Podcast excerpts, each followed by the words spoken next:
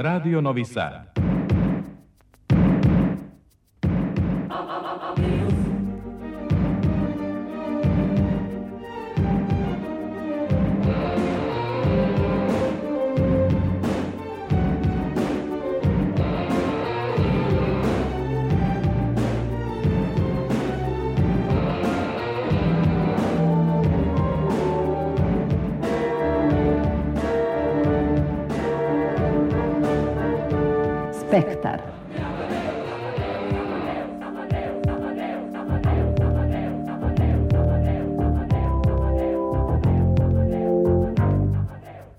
Spektar.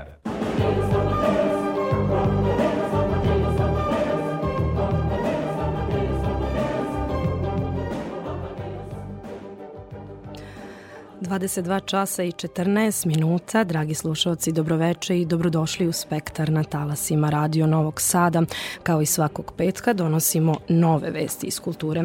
Ja sam Isidora Bobić i bit ću sa vama narednih sat i po. Najpre se osvrćemo na jubilarni 30. festival evropskog filma Palić koji je završen prošle sedmice. Na njemu predstavljene dve važne knjige o domaćem filmu, kritički vodič kroz srpski film od 2018. do 2022. Zorana Jankovića i Đorđa Bajića i publikacija Srpski film 50. autora Saše Radojevića. Dela 25 naših skulptora predstavljena na impozantnoj izložbi u Temišvaru naslovljenoj bez naziva Skulptura posle skulpture. A u Gradskom muzeju u Somboru otvorena izložba autora Kustosa Čedomira Janičića posvećena somborskim umetnicima Zoltanu Radiću, Draganu Rakiću i Draganu Panteliću. Opera Srpskog narodnog pozorišta ulazi spremna u novu sezonu. Direktor najavio novu postavku čuvene Travijate. Pobednica ovogodišnjeg festivala poezije mladih u Vrbasu Tamara Pantović osvojila i konkurs Prva knjiga Matice Srpske. Opširnije o svemu tome slušamo nakon muzičkog bloka.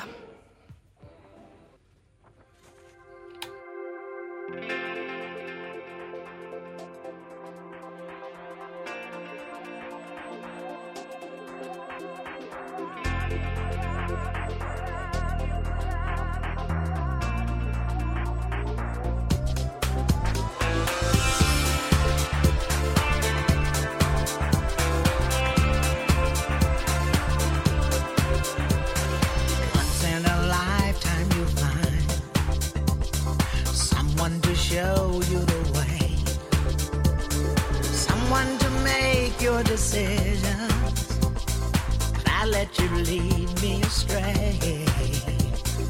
Who did you think you were fooling? Said you were missing me blind, but the truth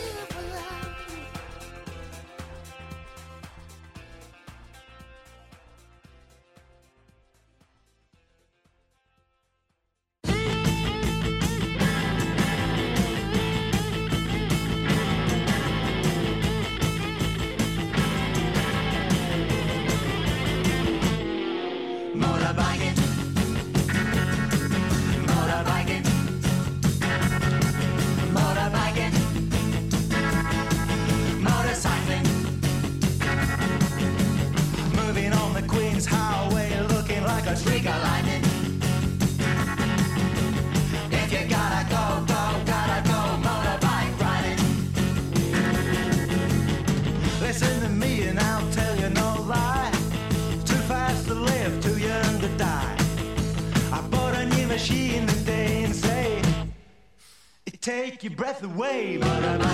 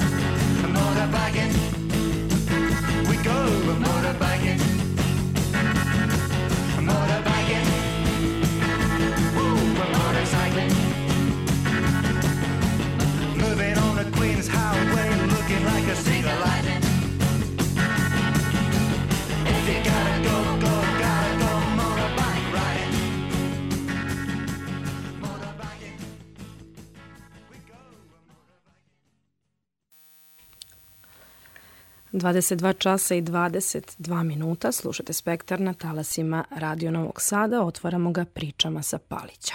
Knjiga Kratki vodič kroz srpski film od 2018. do 2022. u izdanju Filmskog centra Srbije predstavljena je na 30. izdanju festivala Evropskog filma Palić.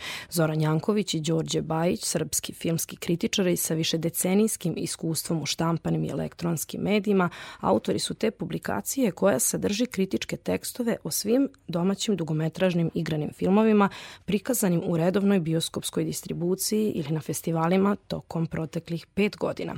Nastavak je kritičkog vodiča kroz srpski film od 2000. do 2017. objavljenog pre pet godina. Sa Zoranom Jankovićem i Đorđem Bajićem razgovarao je Zoran, pardon, naš Goran Vukčević. Bismo se našli na Paličkom festivalu, ali nema to veze, vidimo se mi i na drugim festivalima.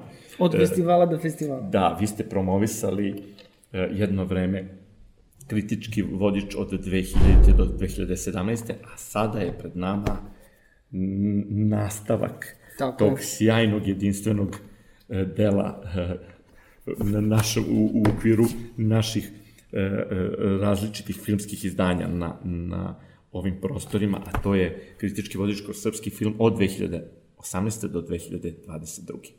Ćemo to sad imati svakih pet godina nastavak. Pa dobro, ne, ne znamo da li je to ideja i da li ćemo i moći da izdržimo to ili ćemo se baviti nekim drugim stvarima. Mi smo spremni što se toga tiče, ali ovaj, bilo, je negde, bilo je negde i za očekivati ako se bavimo filmom, na filmovi često postoje filmski serijali ili franšize po ovom novijem govoru, da bilo je prirodno da se i ova knjiga doživi nastavak, tim pre što period koji je prva knjiga pokrivala 2000-2017 nije ovaj nije uh, neko veliko zaokruženje, nema tu tačke, više bila tačka zarez u pitanju i onda je došlo se do toga.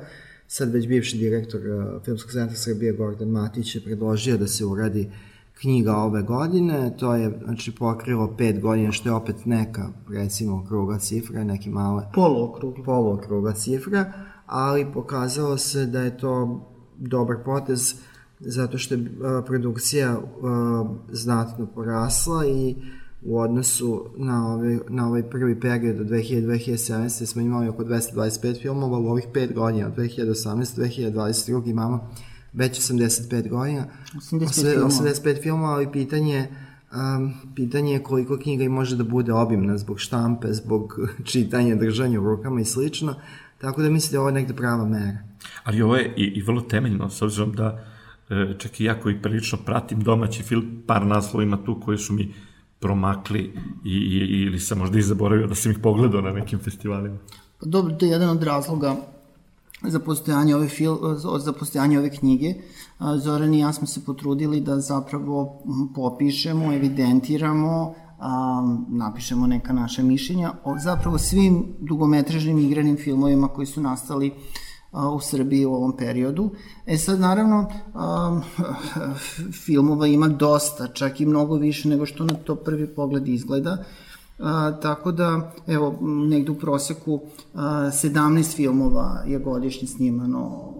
Broj filmova raste i zapravo bilo bi ih i više da nije bilo 2020. godine korone, kada je, mislim, taj broj prikazanih i snimenih filmova drastično opao. Tako da smo mi već, već praktično stigli do nekog broja od 20 plus dugometražnih igranih filmova koji se snimaju svake godine i mislim da, će, da je to tendencija koja, koja će nastaviti, znači da, da ovaj, bude prisutna i čak da, po, da bude i drastičnija, da bude i više filmova. Tako da ovaj, jeste tu jedan onako zanimljiv presek, ova knjiga predstavlja a, u svakom nekom pogledu nastavak one prethodne, te tendencije koje smo uočili u ovom 18-godišnjem periodu koji je prvi obrađen, praktično se nastavljaju i tokom ovih pet godina. Da, iako sam uh, poslednjih godina počeo već da opravdavam neke ljude koje sam upoznao, a koji su mi rekli da nikada ne gledaju domaći film, e. jer ne misle ništa lepo o njemu. Ne slažem se s njima, na, naravno, ali evo sad kad pogledam, vi ste me podsjetili da je tu bilo i kvalitetnih filmova. Bilo je naravno i beznačajnih, ali lepo da je sve okupljeno, jer uvek treba e, truda, mislim, teško je filmove snimiti, nekad ih je teško i gledati, ali čini mi se... I teško je pisati o nekaj. I teško je pisati, jer onda ljudi kažu, uh, pa lako je kritikovati, aj ti uradi. e, ako god je pokušao i krenuo u to ozbiljno, zna koja je to muka i jedan neizvestan put. E, ovaj, I ste vi razmišljali da da, da e, nekad i napravite svoj neki film, s obzirom da imate ovako ja nikad e, jedan dar za duhovite replike. Ja nikad nisam zvao, nije, nije mi čak bila primisao, znači u, u, u dnu glave nije se pojavila. E, mislim da lepo kad čovjek zna svoje ograničenja. Mislim sad što se tiče pisanja replika, možda bismo tu bili dobri kao za neki copyright, log line-ove ili tako. Ali samo stvaranje filma, E, ja, ja ne vidim. tome, da, da, da. da. ja ne vidim sebe u tome, ni najmanje. Ti? A, Đorđe? Pa dobro, mislim da to treba ostaviti profesionalcima, a što se mene tiče, ja tu neku svoju potrebu za kreativnosti, kreativnošću zadovoljavam pisanjem romana. E, da, to sam zaboravio da kažem u, u uvodu.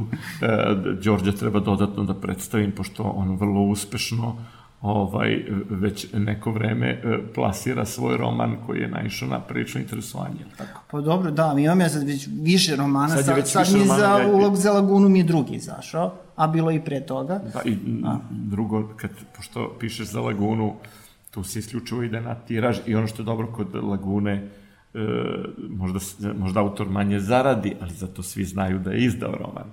Za razliku od nekih drugih izdavača.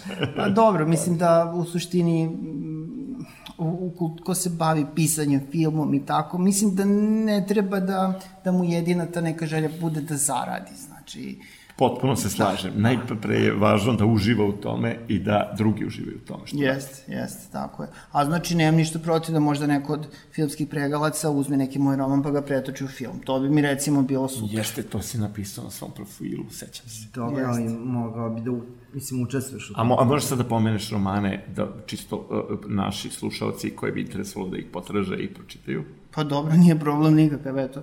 Mislim, ja, što se tiče ovog sad najnovijeg i najaktuelnijeg, meni je za Lagune, evo pre nekoliko dana izašao roman Umri ljubavi, znači to je kriminalistički roman iz mog serijala o inspektoru Limanu, pre Umri ljubavi, pre dve godine, isto za Lagunu objavljen roman Smrt u ružičastom, znači romani se mogu čitati On potpuno je čini se odvojeno. za sada najpoznatiji. On je za sada najpoznatiji, ali ja se nadam da će Umri ljubavi da ga zaseni, jeli, da će svaki sledeći zapravo biti uspešniji i primećeniji, a onda već kako to biva, kad je novi roman uspešan, onda on skrene pažnju i na ovaj prethodni i prethodne. Tako da eto, da sada ne širimo priču na tu stranu, mislim da je ovo Ne, da, nećemo, dovoljno. pošto je tema kritički vodič ko srpski film od 2018. do 2022. Ali da, e, da pomenemo, pošto e, smo to, to negde temu načeli, e, koliko je zahvalno, koliko nezahvalno pisati o autorskom radu drugih ljudi, pošto se zna da to ima dosta sujete i neki put to ništa nije E, mislim, e, neki put to ne izađe na dobro. Da, pa evo, mislim, ja sam i ušao negde, da kažem, u filmsku kritiku tako što um, um, sam i želeo da pišem o filmu i, i posebno mi je bilo uh, i, i čast i zadovoljstvo da pišem o srpskom filmu. Ja sam primetio da nema dovoljno tekstova, jednostavno dovoljno fokusa na, na domaćim filmovima. A e sad tu ima i dobre neke, neke loše strane. Recimo, evo jedna dobra. Uh, u Yellow Cab, on je, to je jedan onako vrlo zanimljiv časopis bio koji je umeđu vremenu i nestao sa tržišta. Ovaj, a, ušao sam tu da pišem za Yellow Cab tako što zapravo niko nije hteo da piše o srpskom filmu. Znači nisu ljudi hteli da pišu kritike srpskih filmova, su imali probleme. Tako da su mi onda dali šansu, na primjer. A da ima nekih određenih ovaj, tu trzavica i a, da su ljudi nezadovoljni, to, to se dešava. S tim što smo iz Oreni ja negde, ja mislim, do sada shvatili da uh, treba napisati ono što misliš. Znači, ne, mora... Ne mora... Iskrenost ipak na kraju Pa. najviše isplati. Ali šta drugo, znači, napiši šta misliš, to je u krajnjoj liniji tvoje mišljenje, ti ga potpisuješ, a cilj nam je bio u ovom kritičkom vodiču koji kritikamo, koji pišemo zapravo da predstavimo film, znači da onaj ko pročita tu kritiku a, može da stekne dobar utisak o tome šta je taj film. E sad, da će njega to zanimati, da će deliti naše mišljenje o kvalitetu tog filma, to je druga stvar. Ali će Pa možda biti za... da ste zapazili da taj film postoji. Ali možda će, kažem, biti zaintrigiran da taj film pogleda. Tako da u suštini kada neko napiše kritiku, pa makar i negativno, ja mislim da su svi na dobitku. Namera je svakako plemenita, tako bih ja bar procenio. E, a je li bilo neprijatnih iskustava, Zorane? Pa mislim, da li je bilo konkretno, do nas je dolazilo, nama se nešto niko lično nije A bilo je. obraćao, bilo je. A što se tiče pisanja, ja, ja sam mislio samo na knjigu, to je sad na- na ova dva kritička vodiča, niko nas nije nešto presretao po ulici, a da je to bilo nešto... Sa opširnije, Da, palicama, ali kao, okej, bilo je, bilo je neprijatnosti, ali nekako ja to smatram da e, ovo što ste vi sad malo pre pomenuli, da jeste neka vrsta komplimenta kada se neko bavi vašim delom, čak i kada vi omašite temu. Mislim, a, postoji nešto što se previdi, ali da bi se neki film pogledao, pa čak i kućnim uslovima, a mi, smo, mi filmove gledamo prevashodno u bioskopima, pa onda na festivalima, znači u tom izvornom i najpodesnijem a, gledalačko-prikazivačkom okviru, a, treba, treba zaista truda. Vi treba da izvojite vreme, dobru nameru, treba se informišete šta gledate, a onda i da napišete tekst da je to tako lako, prepostavljam da bi se svi bavili time. A, ne, ipak se ne bave, jer naše, ove naše dve knjige su ostale u ovom smislu usamljene, naročito na ovaj način, kako smo mi prikazali, a, godine, godinu za godinom kroz produkciju, a, dajući često, da se ne lažemo, legitimitet filmovima koji to suštinski ne zaslužuju.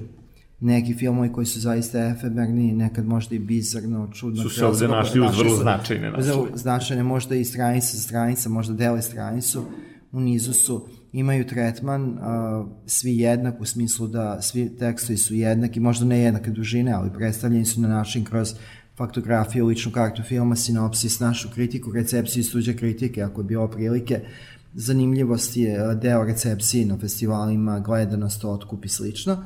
Znači, to je zaista neka vrsta uh, pijet, mislim, dužnog poštovanja dava na filmovima koje objektivno možda ne zaslužuje. Sad, da su njihovi autori svesni da su ma, omašili temu ili da je to možda bio ishitreno, da je to mogo, trebalo da sačeka neke drugo vreme i bolje uslove rada, to je na njima, ali ovo mi, uh, Đorđe često koristi tu kovanicu koja je dosta dobra da nas opiše, pošto mi radimo i e, dosta stvari pišemo drugi koji se ne tiču samih filmskih kritika, a u vezi su sa filmom, da smo mi hroničari, ovaj, hroničari srpskog filma, to je možda najpodesnije, a da bi bili hroničari moramo zaista da imamo ovaj, a, i predanosti i u krajnjem sve, mislim, smislu ljubavi. Ovo, ovako nešto se ne radi bez ljubavi.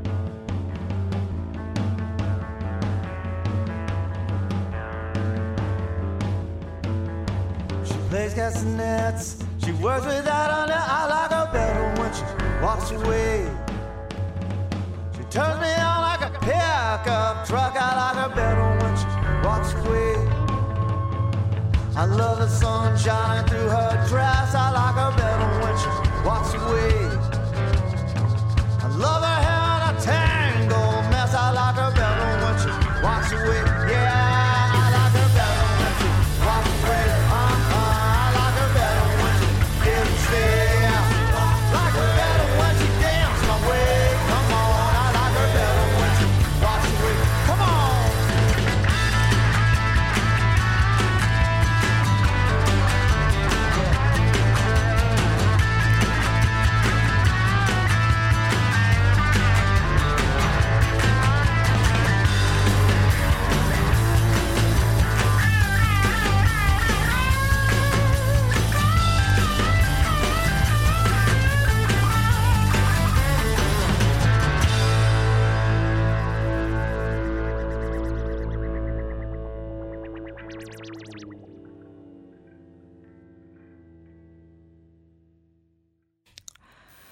22 časa i 38 minuta u Spektru sledi priča o još jednoj važnoj knjizi predstavljenoj novogodišnjem festivalu evropskog filma Palić. Naime, srpski film 50. autora Saše Radojevića u izdanju Filmskog centra Srbije e, predstavlja prvi sistemski pokušaj revalorizacije našeg filmskog nasleđa 50. godina 20. veka, koje je manje poznato ne samo široj publici, nego i filmofilima, a broji oko 50 ostvarenja. Sa Sašom Radojevićem razgovarao je Goran Vukčević. o srpskom filmu 50-ih malo znaju i starije generacije, a novije generacije su u prilici eventualno, ako imaju volje, da pogledaju poneki naslov na filmskim kanalima gde se neki naslovi često repriziraju. Šta nam otkriva ova tvoja knjiga? Pa, tačno je da su 50. godine decenija koja je van fokusa ovdašnje filmske publike e, i više razloga e, a to je činjenica da su e, ti filmovi poslužili kao materijal za odstrel jednoj generaciji koja je formirana u a, potonjem periodu. Tačnije, autori koji su se afirmisali toko 60-ih su imali izrazito negativan odnos prema tim filmovima, smatrajući ih socrealističkim ili partizanskim lakirovkama, filmovima koji na nerealističan način prikazuju društvenu stvarnost i onda je to kao kritičarski kredo prenošeno iz decenije u deceniju. I kako su nestajali sa životne scene ti reditelji i kritičari koji su se afirmisali tokom 50. godina, ta činjenica je postajala sve tvrde, tvrđe utemeljena i niko više nije želeo da je preispituje pokušaj, po- postojali su pokušaj da se a, pojedini autori izvuku iz tog kruga 50. godina i da se oni rehabilituju, kao što je to slučaj sa a, filmovima Vojislava Nanovića ili sa jo, Jovanom Živanovićem koji je istina napravio svega dva filma tokom 50. godina, ali to su bili ti redki zaista momenti kada je skretana pažnja na te 50. godine. Kao celina oni zapravo su a, odbačeni i a, otpisani. I to je, dakle, meni bio glavni razlog da se pozabavim e, tim periodom. Istina, e, to je neki moj uslovno rečeno privatni a, projekat koji je vezan za privatnu istoriju a, srpskog filma i ja se nadam da će uslediti i sledeće dekade a, obrađene na a, ovaj način, ali to je dakle budućnost za koju ne znamo kako će se odvijati. Ono što je sadašnjosti, dakle, da su to 50. godine, da su me one posebno intrigirale upravo zbog te zanemarenosti, zaboravljenosti i zbog tretmana koji uh, postoji kada je reč o toj dekadi, a on je dakle vezan uz tu prostu činjenicu da je kinoteka napravila listu od 100 naj vrednijih e, srpskih filmova koji treba da budu deo nacionalne baštine i da je svega šest filmova iz 50. godina uvršćeno na listu od 100 filmova. Dakle, ako govorimo nešto što je temelj nacionalne kulture, onda bi um, ti filmovi iz 50. godina mogli da imaju uh, uh, puno, puno veće e, mesto na toj listi jer je ta istorijska distanca učinila da mnogi od tih naslova izdrže tu probu vremena i da veći broj filmova naprosto bude deo nečega što je e, temelj kinematografije. I e, zaista je to period koji je i koncipiran kao temeljan u sledećem smislu da su u svim tim uh, producentskim kućama koje su bile aktivne tokom uh, 50. godina, a to se pre svega odnosi na Avala film i na UFUS uh, uh, film, da se u tim kućama puno pažnje posvećivalo scenarijama, postojala su dramatuška odeljenja, postojale su neke ideje o tome da se e, žanrovi mogu i moraju razvijati i iz današnje vizure izgleda potpuno fascinantna činjenica da je uz taj partizanski film koji je bio znači temeljan da je bilo i filmova koji pripadaju žanru melodrame, omladinskog filma, a, muzikla,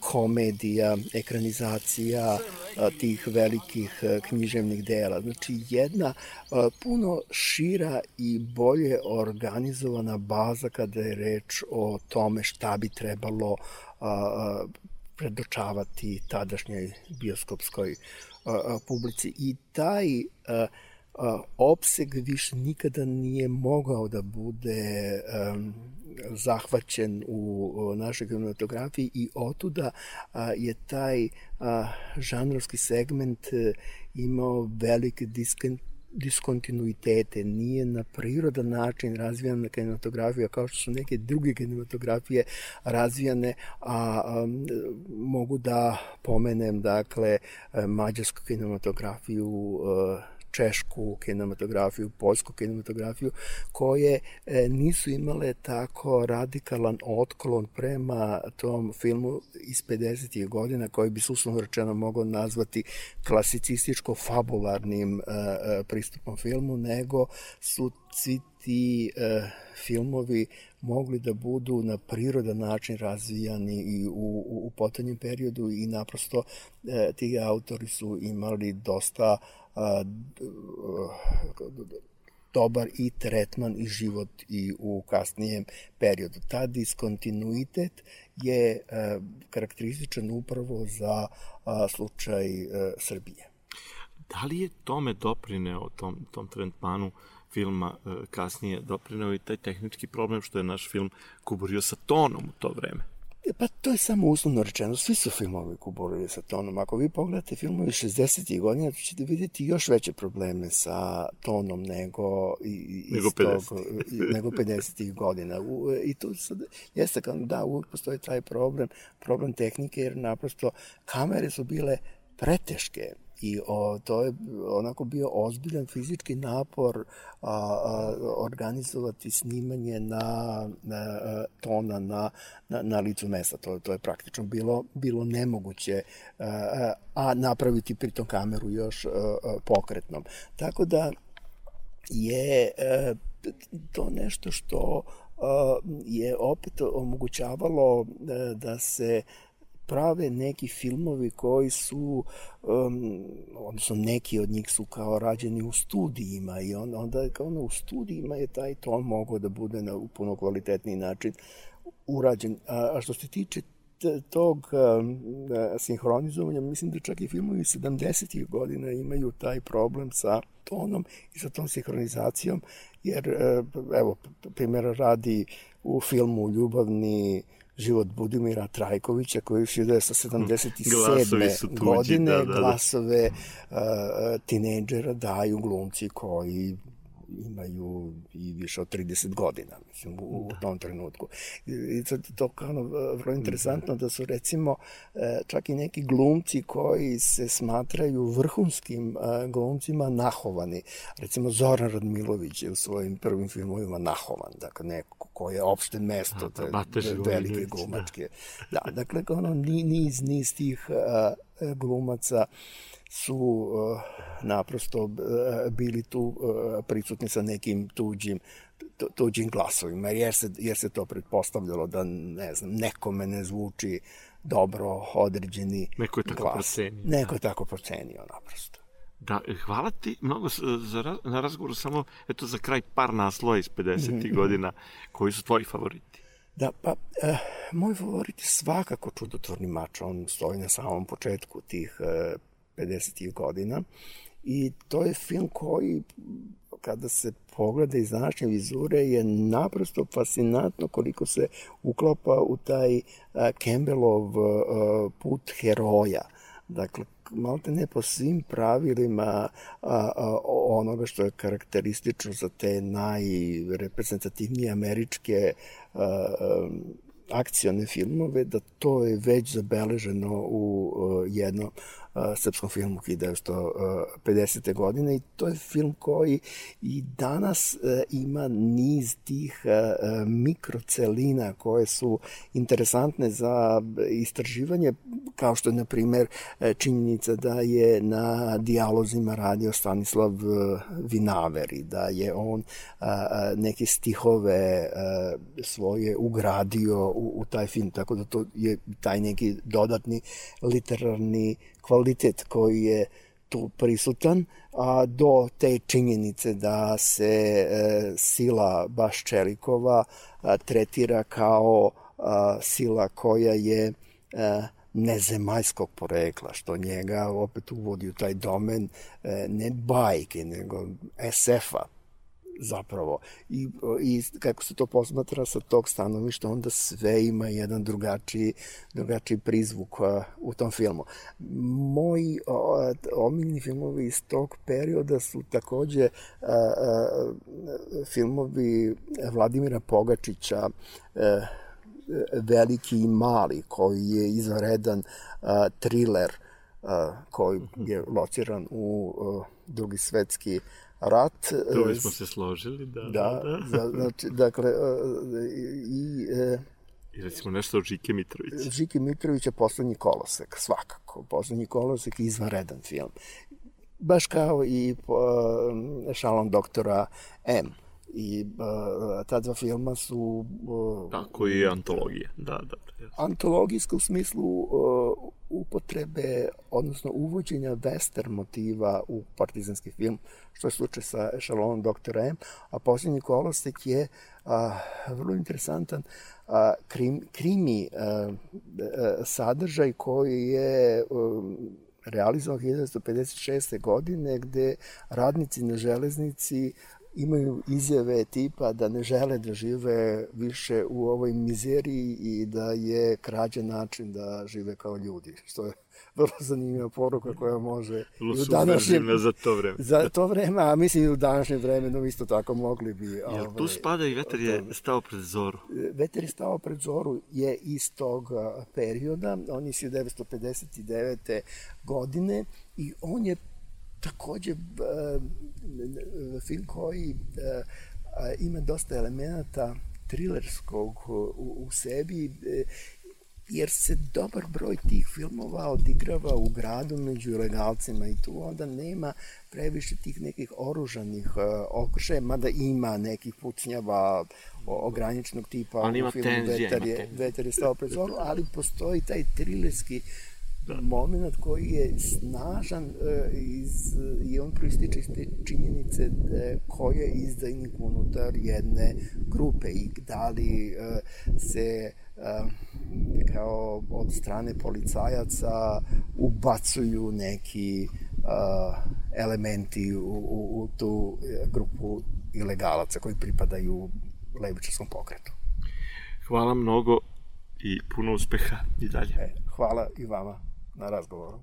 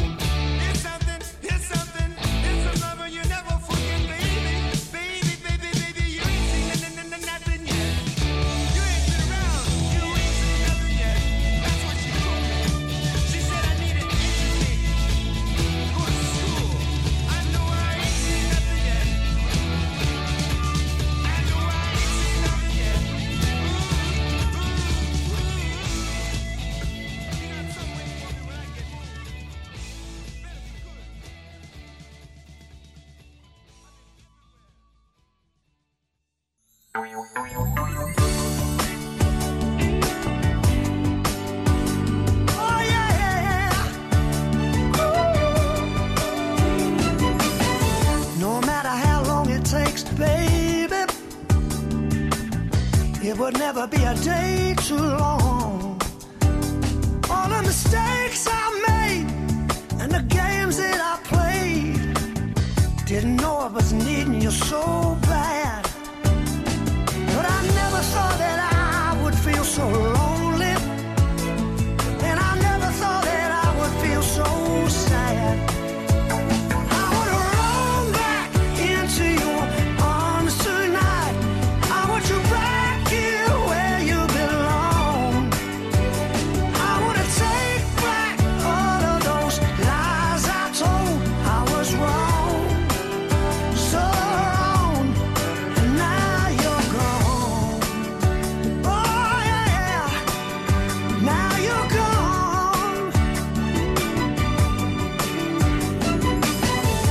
Give me another chance, baby, to show you how much I really care. All that I put you through, I never knew. Didn't know I was making you so sad. Maybe now that you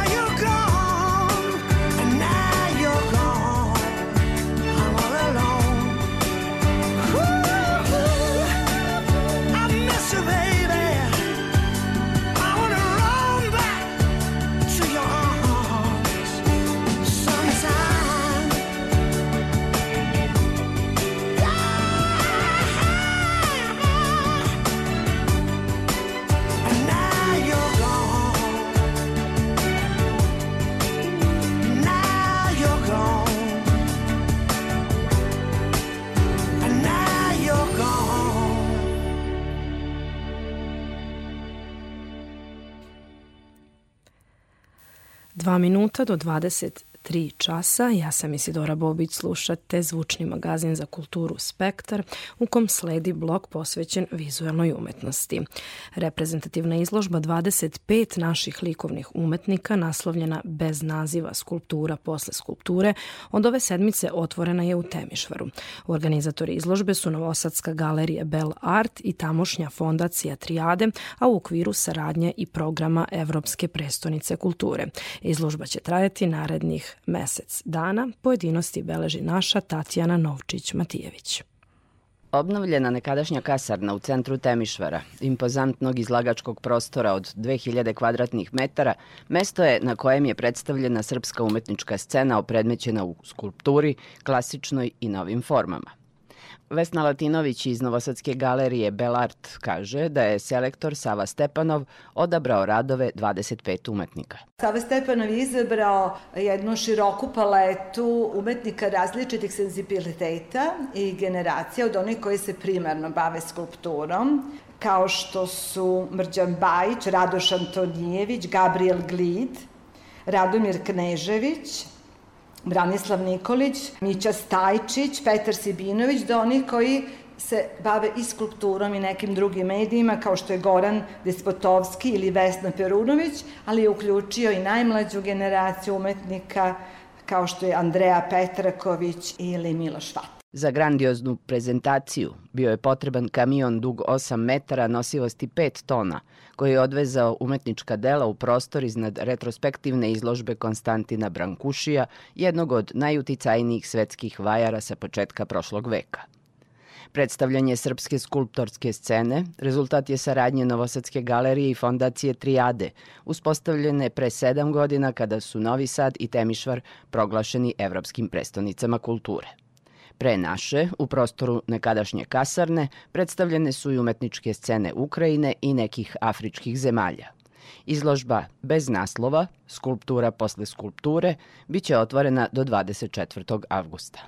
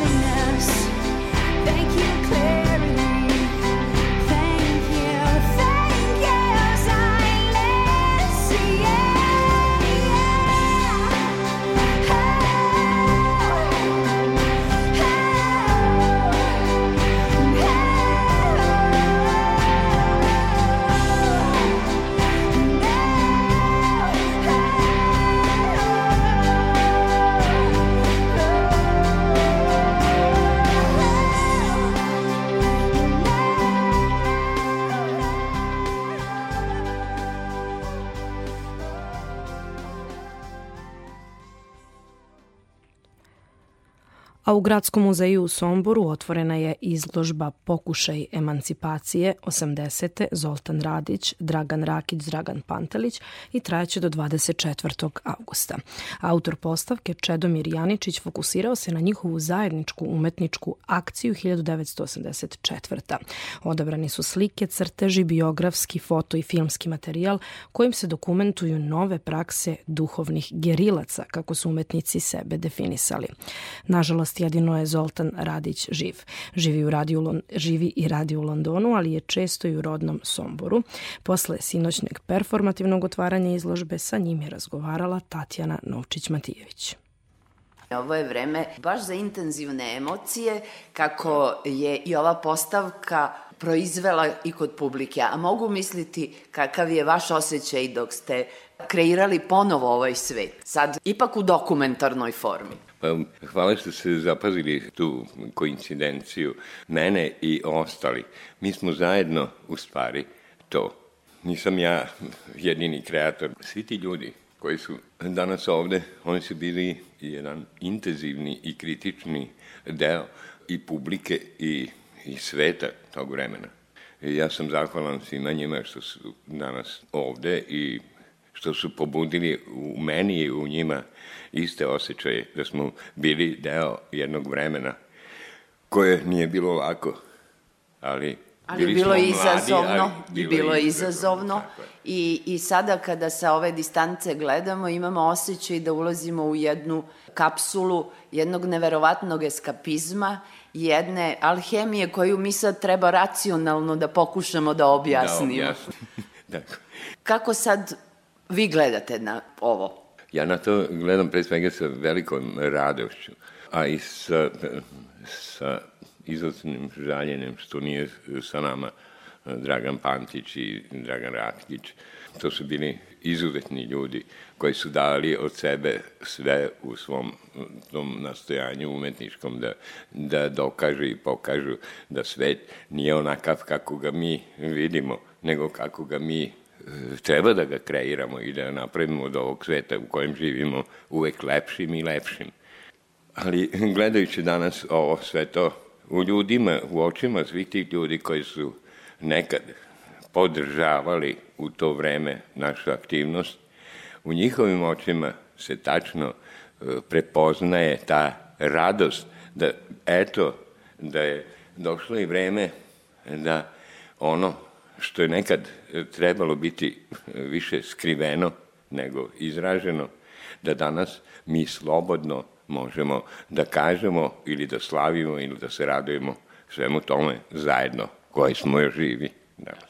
Vas je trojica bilo. A vidi se po svim artefaktima koji su izloženi da ste vi zapravo bili jedan nukleus koji je animirao mnogo umetnika van Sombora da dođu i ovde stvaraju umetnost u najneposrednijoj komunikaciji sa, neću reći s publikom, sa građanima, sa ljudima kojima je ta umetnost trebala biti bliska praktično da žive u njoj, jer, je. svakodnevica. Mi smo ovde u Somboru imali to, to jedno, kako kažem, izuzeće od svega toga. Imali smo tu jednog velikog umetnika, živog Milana Konjovića, koji je svakako i naše sve gestove sasvim otvoreno i podržavao i opravdavao.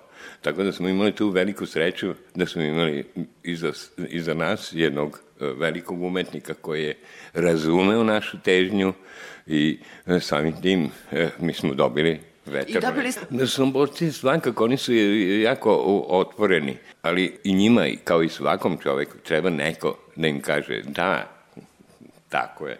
slike, zapisi kamerom. Vi ste sada potpuno u multimedijali, ako sam dobro, dobro razumela. Da, da. Je li to negde prirodni put iz tog istraživanja mogućnosti umetnosti danas naprosto funkcionisati kao multimedijalni umetnik? Danas je možda lakše biti multimedijalan iz razloga što tehnologija i, i sve te mogućnosti su mnogo šire. Nekad mi, da bi napravili samo dokument o našem radu, to je koštalo. Jedna fotografija je izuzetno koštala.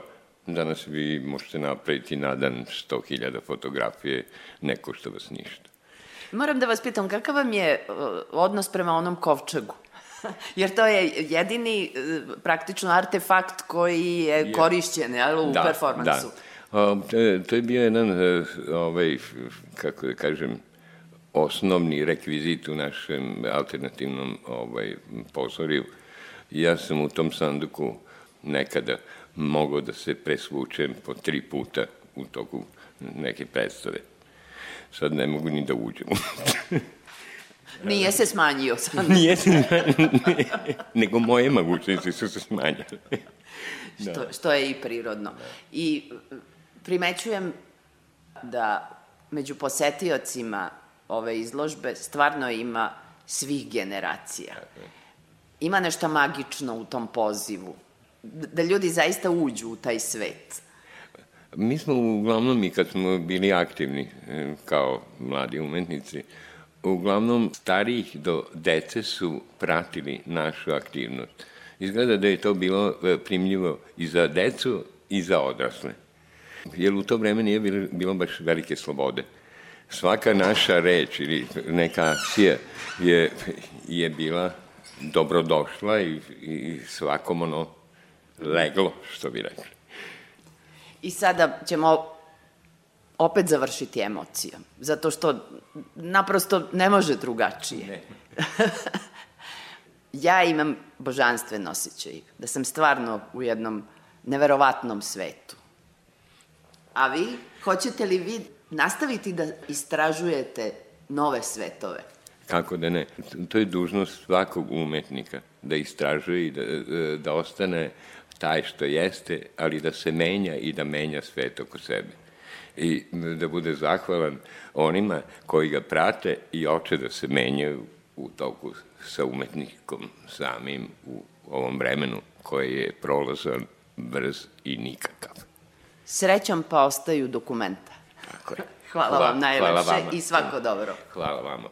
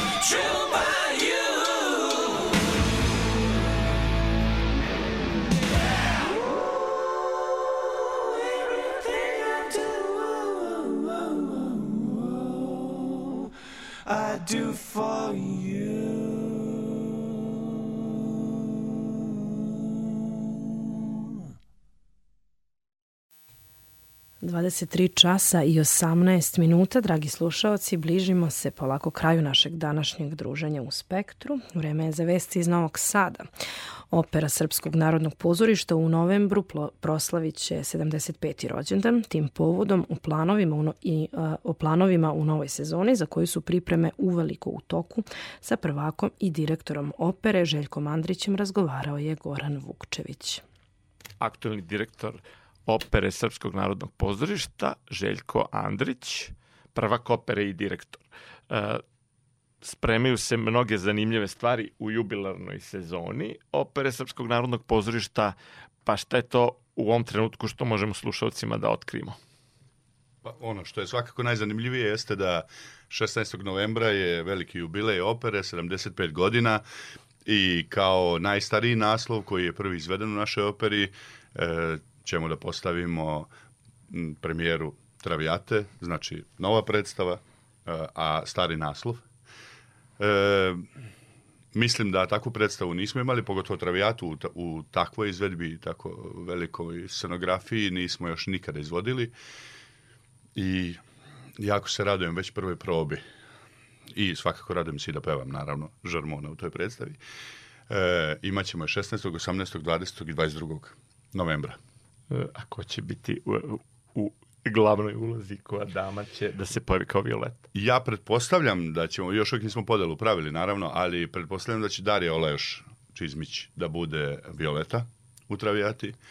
I, ovaj, i e, imamo tenore sad e, još uvijek e, razmišljamo da li ćemo Sašu Štulića ili Stevana Karanca da stavimo kao Alfreda. E, ali svakako će casting da bude naš, sastavljen od naših umetnika i sigurno će biti na visokom nivou. I šta će e, još, šta će još da, da nas očekuje? U planu je dosta toga. Sljedeće godine, da kažemo 24. godine je 100 godišnjica od smrti Pučinija. Pa u skladu s tim bi trebali da izvedemo nešto od programa e, vezano za Pučinija. I sad, da li ćemo da radimo novu premijeru? E, ako budemo radili premijeru, to će da bude svakako Turandot kao jedna od najvećih njegovih predstava. E, I ideja je da to izvedemo 28. marta, a ako ne bude Turandot, onda ćemo da izvodimo svakako njegove boeme, Tosku, Butterfly koje imamo na repertoaru i, i si- zasigurno jedan gala koncert koji će bude od njegovih arija. Da. To je e, jedna od e, ideja. Onda e, ja imam neki plan do 26. godine već šta ćemo da izvodimo, ali ajde da kažemo da ćemo sljedeće godine, znači da imamo ovaj vrlo verovatno premijeru Turandota, imat ćemo od repriznog, e, repriznog repertoara Tosku, Butterfly, Rigoletto, Boeme, Erus onoga svijeta. To je jako interesantno, to ćemo da obnovimo već u oktobru. E, Erus onoga svijeta, to, ta predstava dugo nije išla kod nas, publika jako voli i zaista smatram da je, da je veoma važno da je vratimo na scenu. Knegina Čardaša također će da bude u sljedećoj godini i tako dalje. A Ida naravno i, i tako dalje. Da, sigurno neće biti ljubitelji opere razočarani. Mnogo uspeha, e, gospodine Andriću, u novoj sezoni. Hvala vam.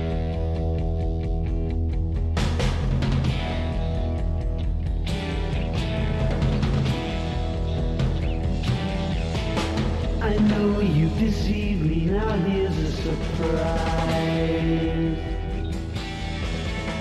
I know that you have, cause there's magic in my eyes. I can see for miles and miles and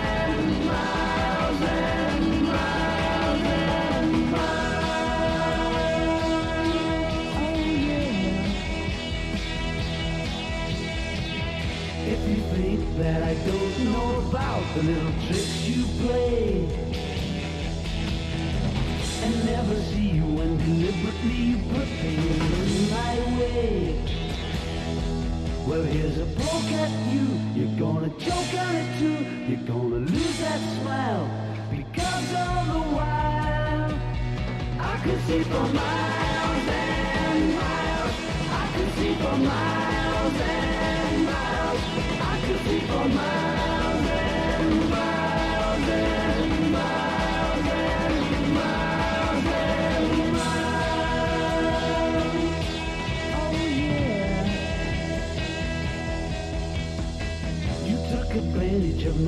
you when I was so far away. I saw you holding lots of other guys and now you've got the nerve to say that you still want me. Well, that says maybe, but you gotta stand trial because all the while I can see for miles and miles. I can see for miles and miles. I see for miles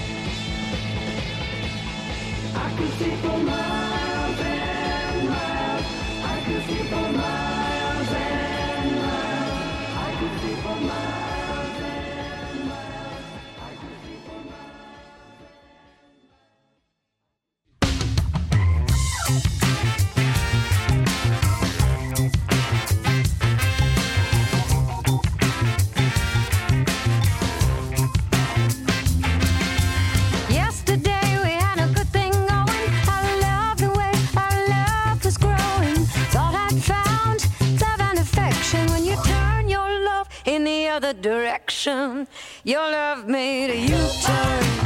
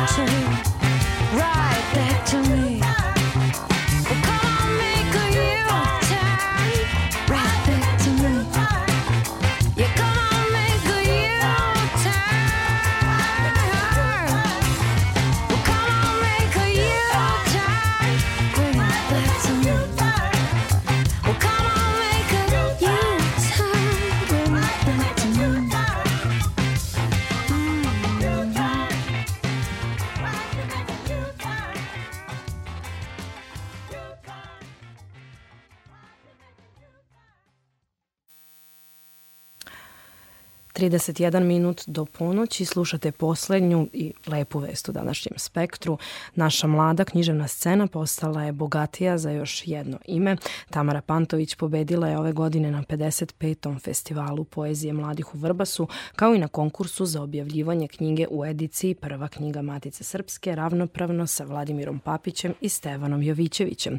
Rođena 2001. u Kragujevcu, sada je studentkinja treće godine na katedri za psihologiju na Filozofskom fakultetu univerzitetu u Beogradu.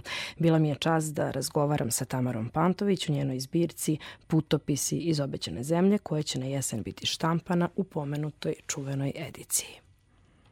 Tvoj rukopis, putopis iz obećane zemlje, bit će štampan u čuvenoj ediciji prva knjiga Matice Srpske. Čestitam od srca na tome. Da te pitam za početak, na kakvom je to putovanju tvoj lirski subjekt bio? Šta je njegova obećana zemlja, odnosno sana obećanoj zemlji.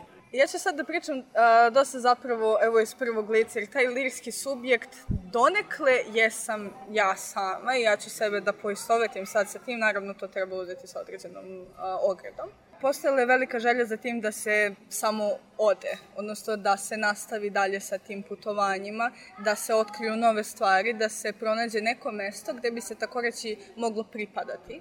I primetila sam da ljudi oko mene mnogo lakše nalaze to neko mesto, da im je mnogo lakše da ostvare naviku, da im je mnogo lakše da budu zadovoljni time što oko sebe vide, dok ja to nikada nisam našla i uvek je postojala želja da, da se vidi još, da se još nešto iskusi, da se još nešto drugo potraži. I onda sam počela da sanjam o tom nekom mestu u kom bih ja htela da ostanem. Ali taj moment dosade je meni strašno interesantan, jer kada se naviknemo na tu okolinu, možemo i jesmo zadovoljni njome, ali ja baš mislim da ljude dosta dosada pokreće da izađu iz tog mesta, mislim da je to strašno dobro, da izađu odatle, da pronađu nešto novo što sa sobom nosi strašnu neizvesnost i strašan strah isto tako i ponovnu želju da se nađe to nešto gde bi mogli možda da se odmorimo, gde bi mogli, pa bar u slučaju ove zbirke, da se pripremimo za dalji put. Ja sam pripremila neke iskaze tvoje ili ako hoćemo tvog lirskog ja. On kaže ne mogu da slušam sobstvene misli, ne mogu da ostanem sam a budan, ne mogu da se setim sobstvenog imena. Ista stvar istovremeno ubija i budi, ne umem da se pomirim, bojim se sobstvene reči, opet čekam odlazak da bih znao gde sam, Nije za mene raj, za mene je da o raju sanjam. Kažeš da si sobstveni plagijator, lažov, na ivici postojanja, predstava je jedino što te drži na sceni.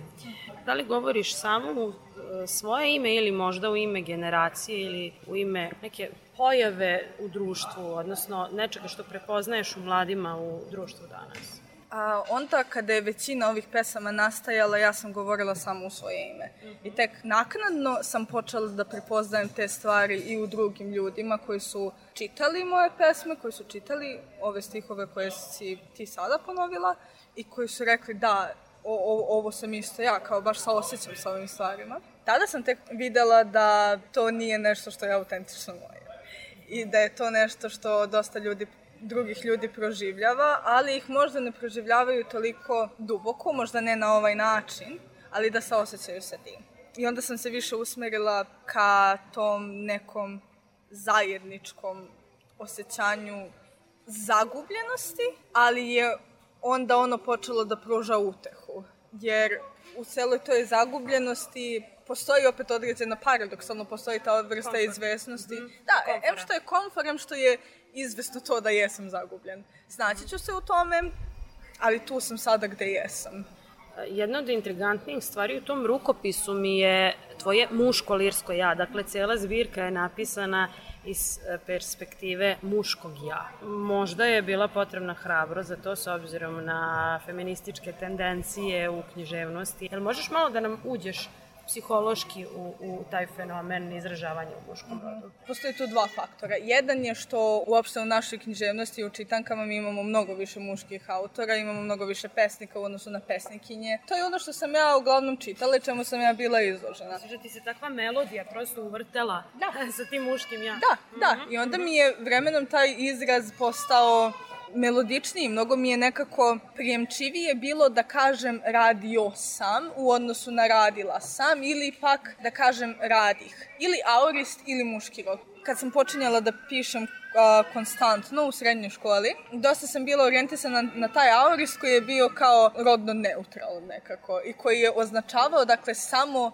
mene kao neko ja koje govori bez obzira na to za koji rod se vezuje i tako dalje i tako dalje. Drugi faktor jeste jedna igra koju sam ja igrala u to vreme sa svojom dobrom drugaricom, gde smo nas dve, kako obe volimo književnost, krenule smo da pišemo pisma jedna drugoj, ona iz uloge Tolstoja, odnosno iz kao perspektive njegovog imena, perspektive proze i tako dalje. Gde ona bila Tolstoj, ja sam bila Puškin, da. Samo smo se igrali tako muških likova i nastavili smo da, da pišemo ta pisma i meni je iz te igre to se prenalo na moju poeziju. Rekla si u jednom stihu, moj bog čita, a to meni uh, otvara asocijativno polje ka promišljanju intertekstualnosti u, u tvojoj literaturi. Koliko je tebi čitalačko iskustvo značilo za tvoje pisanje? I da li postoji neka zaista onako izgrađena mreža referenci na druge poetike, druge autore? Nesvesna.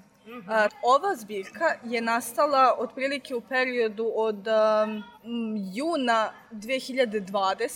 pa možda ne znam neke dve godine. U srednjoj školi pesme koje sam pisala su dosta bile inspirisane Drajincem. On mi je jedan od prvih otprilike uzora, onako sav um, ekscentričan i bojem i ja da njemu je najteže na ovom svetu, ali, ali toliko se lepo izražava, meni to bilo toliko simpatično nekako. Drajinac, Momčilo Anastasijević je jedan od mojih omiljenih autora ikada, ja mislim. Zaista meni je on samo kralj srpske poezije. Kog Kako ja je mogu divno da... što to kaže neko sa 21 godinom, pošto obično Nastasijević nije prvi izbor uh, tvojim vršnjacima, rekla bih barem. Jeste, obično to budu Nije Brankova. bio ni prvi izbor mojih vršnjaka, da se razumemo, ali da. moj prvi izbor jeste bio, pa mi je drago. I meni je drago kad čujem ovo. U jednom momentu sam pokazala svojoj uh, profesorki srpskog jezika u srednjoj školi neku pesmu koju sam tad napisala i ona mi je rekla vidjet ćeš, radit ćemo Nastasijevića u sledećem kao polugodištu, ovo mene mnogo podsjeća na njega i tako dalje. Ja sam onda otvorila na internetu a, njegove pesme i bila očarana, mada sam pročitala dve u tom momentu. Onda sam našla njegovu zbirku u biblioteci i ti stihovi su mene toliko duboko dirnuli. Meni, su sedam lirskih krugova bukvalno postali Biblija. On je u meni izazivao neko osjećanje koje sam ja htela da izazovem kod svih drugih ljudi, koji mogu da čitaju moju poeziju. Postojala je onda jedna pesma za koju sam ja vrlo brzo skapirala da imitira njegov stil, tako da onda postoji u toj nekoj zbirci koju sam u srednjoj školi napisala, ali nikad neće izaći nigde zato što to nisam ja, to je Anastasijević. Postoje neki koje podsjećaju na Drajinca, postoje neki koje podsjećaju na Fernanda Pessoa, na Disa naravno, ali kada primetim da to liči na nekog od tih autora koje sam ja pročitala, ja tu pesmu moram da odbacim jer vidim da tu nema mnogo mog samog izraza i da je to nekako preuzeto od njih.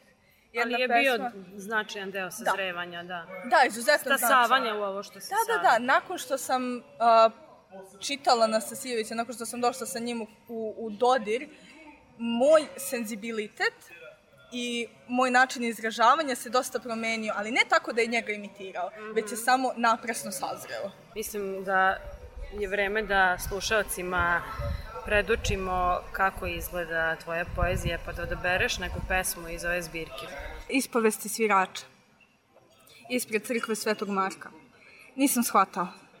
Više ništa ne krijem, niti išta priznajem, jer nemam kome, niti od koga. Svirao sam.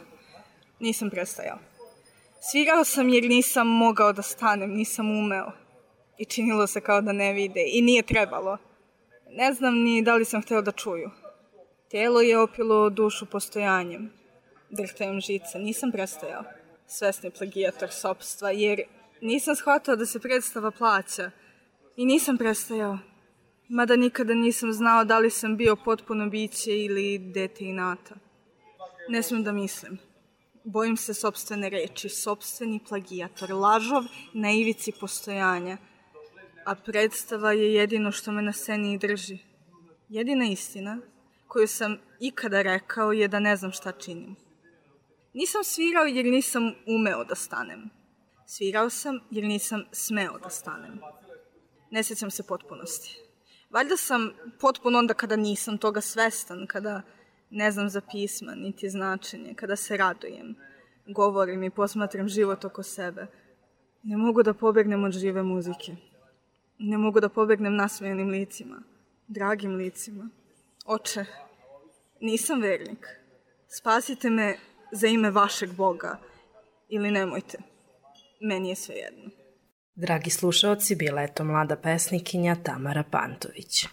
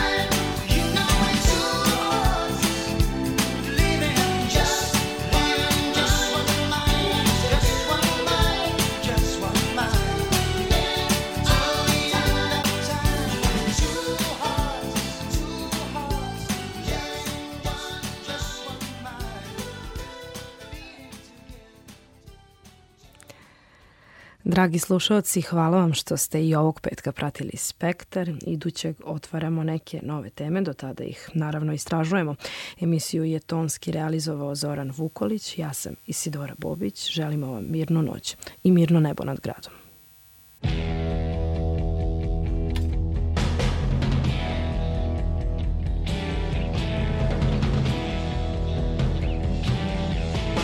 I know you deceived me, now here's a surprise. I know that you have, cause there's magic in my eyes. I can see for miles and miles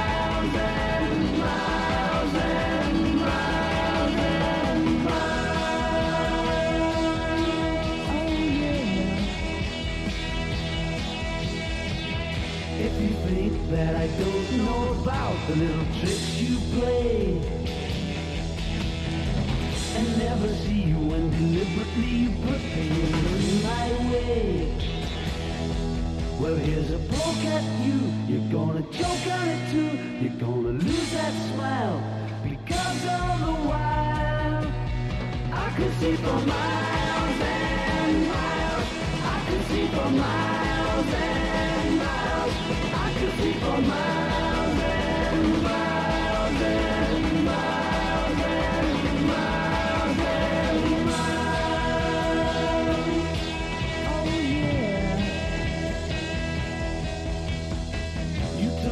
advantage of my trust in you when I was so far away. I saw you holding lots of other guys and now you've got the nerve to say that you still want me. Well, that says maybe, but you gotta stand trial because all the while I can see for miles and miles. I can see for miles. Fifty-four miles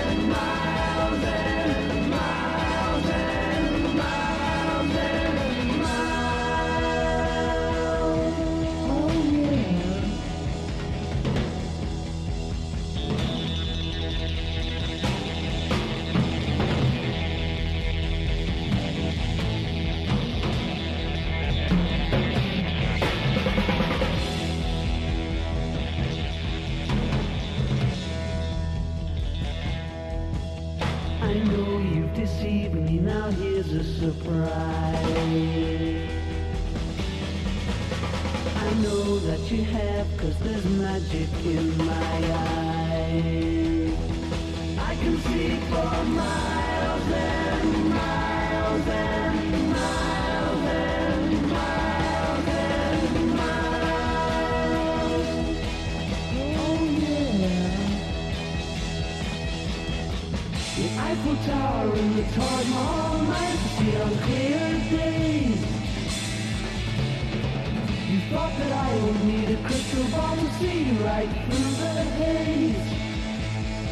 Well, here's a poke at you. You're gonna choke on it too. You're gonna need that smile because all the while I can see for miles and miles.